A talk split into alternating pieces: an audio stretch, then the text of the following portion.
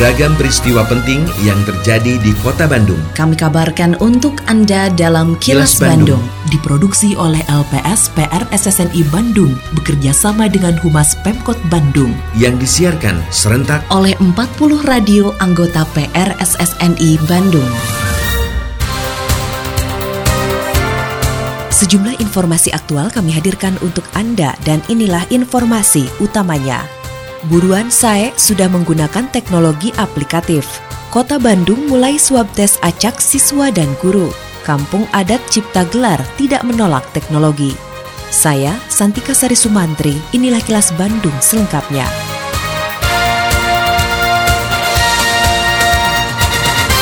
Wali Kota Bandung, Oded M. Daniel mengatakan pengembangan program urban farming pekarangan sehat alami dan ekonomis atau buruan SAE di Kota Bandung sudah menggunakan teknologi aplikatif. Bahkan yang lebih membanggakan teknologi aplikatif tersebut merupakan hasil karya dan pengembangan warga Kota Bandung sendiri. Contoh teknologi aplikatif itu antara lain penyiram tanaman yang menggunakan aplikasi telepon seluler. Reporter Agustin Purnawan melaporkan, menurut Oded, hal tersebut menunjukkan bahwa buruan SAE akan terus berkembang selain kuantitasnya juga kualitasnya.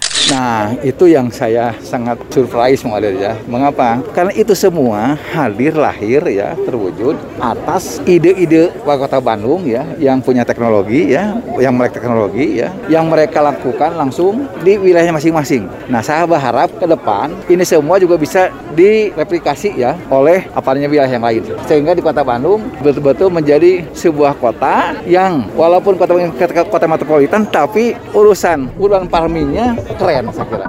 Dinas Pendidikan dan Dinas Kesehatan Kota Bandung mulai menggelar swab tes PCR secara acak bagi siswa dan guru yang telah menggelar pembelajaran tatap muka terbatas atau PTMT. Kepala SDN 015 Kresna Kecamatan Cicendo Kota Bandung, Yayat Hidayat menyatakan bersyukur sekolahnya terpilih untuk menggelar swab tes acak tersebut karena menjadi bahan evaluasi pelaksanaan PTMT. Menurutnya 30 siswa dan 3 guru yang mengikuti swab tes untuk sementara waktu diistirahatkan sampai hasil PCR-nya keluar. Sedangkan yang lainnya tetap bisa melakukan PTMT. Mudah-mudahan semuanya negatif itu mudah-mudahan jadi tolok ukur nanti kelanjutan pembelajaran tatap muka yang terbatas ini. Untuk yang 30 sampel ini akan diistirahatkan dulu di rumah satu hari, tetapi yang lainnya tetap berjalan PTMT ya. Selama dari instruksi dari Dinas Pendidikan menjalankan PTMT, kita jalankan sesuai prosedur. Terkait dengan berita sebelumnya. Kepala UPT Puskesmas Pasir Kaliki, Deborah Johana Ratu mengatakan sampel swab tes acak PCR tersebut akan diperiksa di Laboratorium Kesehatan Daerah Provinsi Jawa Barat. Sedangkan hasilnya akan disampaikan secara sistem aplikasi tapi ditembuskan ke pihak puskesmas. Reporter Evi Damayanti melaporkan, menurut Deborah, jika hasil swab tes acak ditemukan ada yang positif terpapar, maka sesuai prosedur akan dilakukan pelacakan terhadap keluarga dan ditindaklanjuti dengan koordinasi lintas sektor. Sama, 30 dan 3 guru. Karena kalau menurut statistik kan itu sudah mewakili pengukuran ya, kalau untuk itu validisasi. Hasilnya nanti akan diberitahukan kan sekarang lewat sistem aplikasi ya, tapi nanti ada juga tembusan ke kami. Jadi harus seperti apa kita langsung mengambil sikap secepatnya sih as soon as possible. Karena kan sekarang sampel lagi sedikit juga ya, nggak terlalu banyak. Dan ini memang karena kita lagi konsentrasi ke anak sekolah pasti nanti akan ada prioritas untuk hasilnya.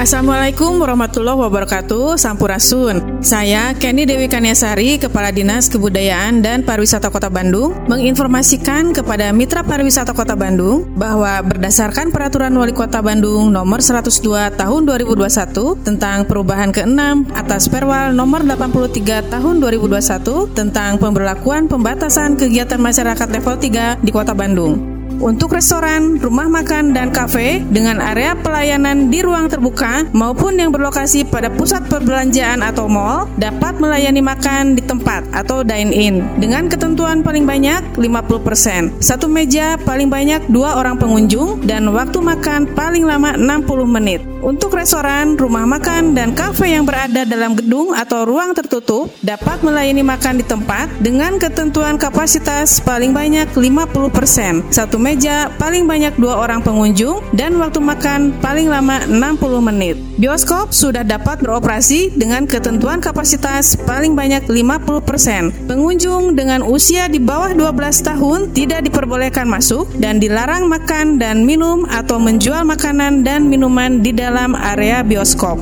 Ayo bersama-sama melaksanakan protokol kesehatan dengan disiplin. Iklan layanan masyarakat ini dipersembahkan oleh Dinas Kebudayaan dan Pariwisata Kota Bandung. Assalamualaikum warahmatullahi wabarakatuh. Sampurasun, warga kota Bandung yang saya hormati dan saya cintai. Saya Tono Rusdiantono, Kepala Dinas Sosial Kota Bandung menghimbau kepada seluruh warga kota Bandung, para wisatawan dan para pengguna jalan untuk tidak memberikan uang atau sedekah kepada pemerlu pelayanan kesejahteraan sosial atau PPKS. Di antaranya anak jalanan, gelandangan, dan pengemis karena mengganggu ketertiban umum dan kelancaran arus lalu lintas. Selain itu, saya juga meminta kepada seluruh warga kota Bandung untuk tidak menggalang dana atau meminta sumbangan di tengah jalan dengan dalih apa pun. Terlebih kegiatan itu tanpa mengantongi izin resmi dari Dinas Sosial Kota Bandung. Apabila Anda menemukan adanya PPKS maupun penggalangan dana, diminta partisipasinya untuk melaporkan hal tersebut kepada Dinas Sosial Kota Bandung. Salurkan donasi Anda hanya melalui lembaga resmi. Wassalamualaikum warahmatullahi wabarakatuh.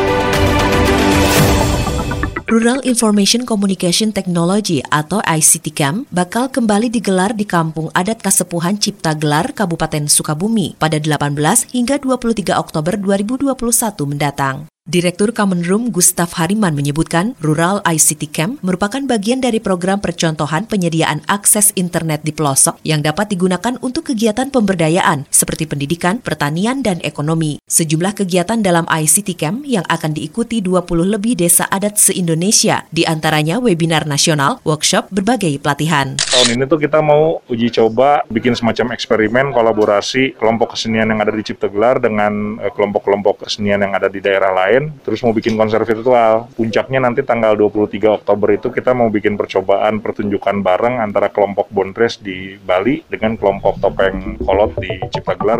Terkait dengan berita sebelumnya,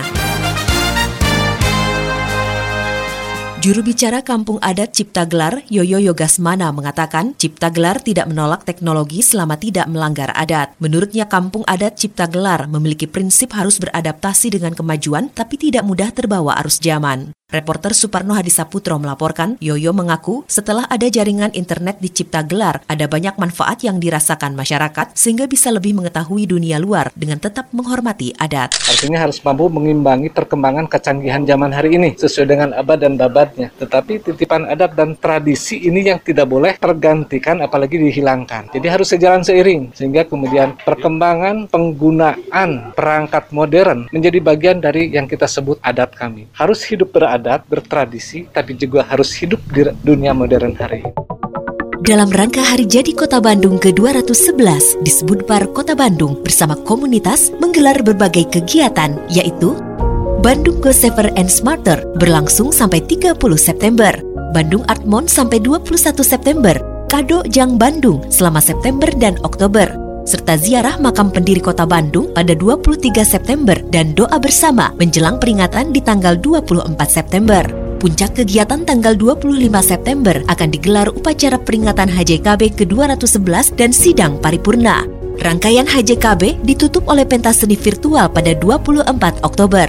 Ikuti juga lomba foto dalam event disebut Parhayu Moto 2021 Instagram Photo Competition dengan hadiah jutaan rupiah. Selain itu ada pameran virtual juga disebut bar playlist atau panggung musik dari rumah dan masih banyak lagi event menarik lainnya.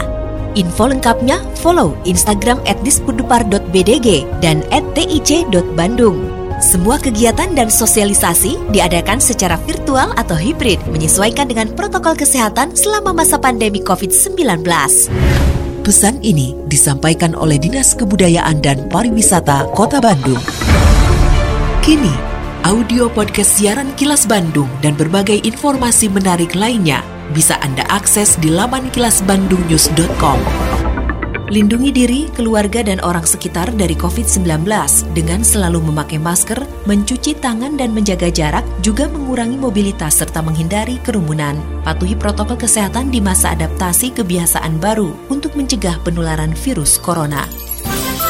Terima kasih Anda telah menyimak Kilas Bandung bekerja sama dengan Humas Pemerintah Kota Bandung yang diproduksi oleh LPSPR SSNI Bandung.